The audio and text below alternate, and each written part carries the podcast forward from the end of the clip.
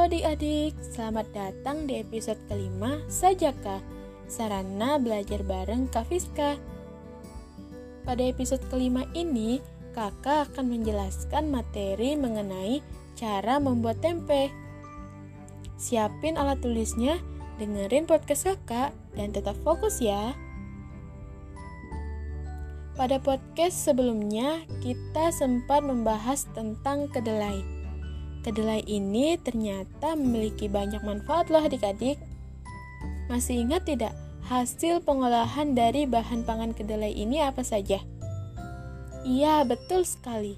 Tempe, tahu, dan kecap merupakan hasil teknologi pangan dari kedelai.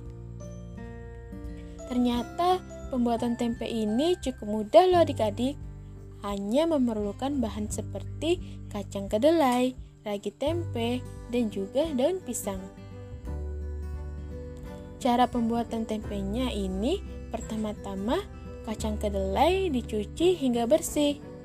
Kemudian direndam selama 12-18 jam. Setelah itu, kacang kedelai tadi dicuci kembali hingga kulitnya terlepas. Lalu kacang kedelai dikukus atau direbus hingga empuk.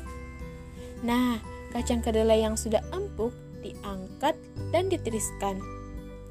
Ragi tempe dapat ditaburkan jika suhu dari kacang kedelai telah berubah menjadi hangat ya. Nah, kacang kedelai dapat dikonsumsi dalam bentuk yang baru, yaitu tempe. Nah, zat gizi pada tempe dapat memperbaiki sel-sel tubuh yang rusak loh adik-adik. Cukup sekian dulu ya materi untuk episode kelima ini. Terima kasih sudah mendengarkan podcast kakak.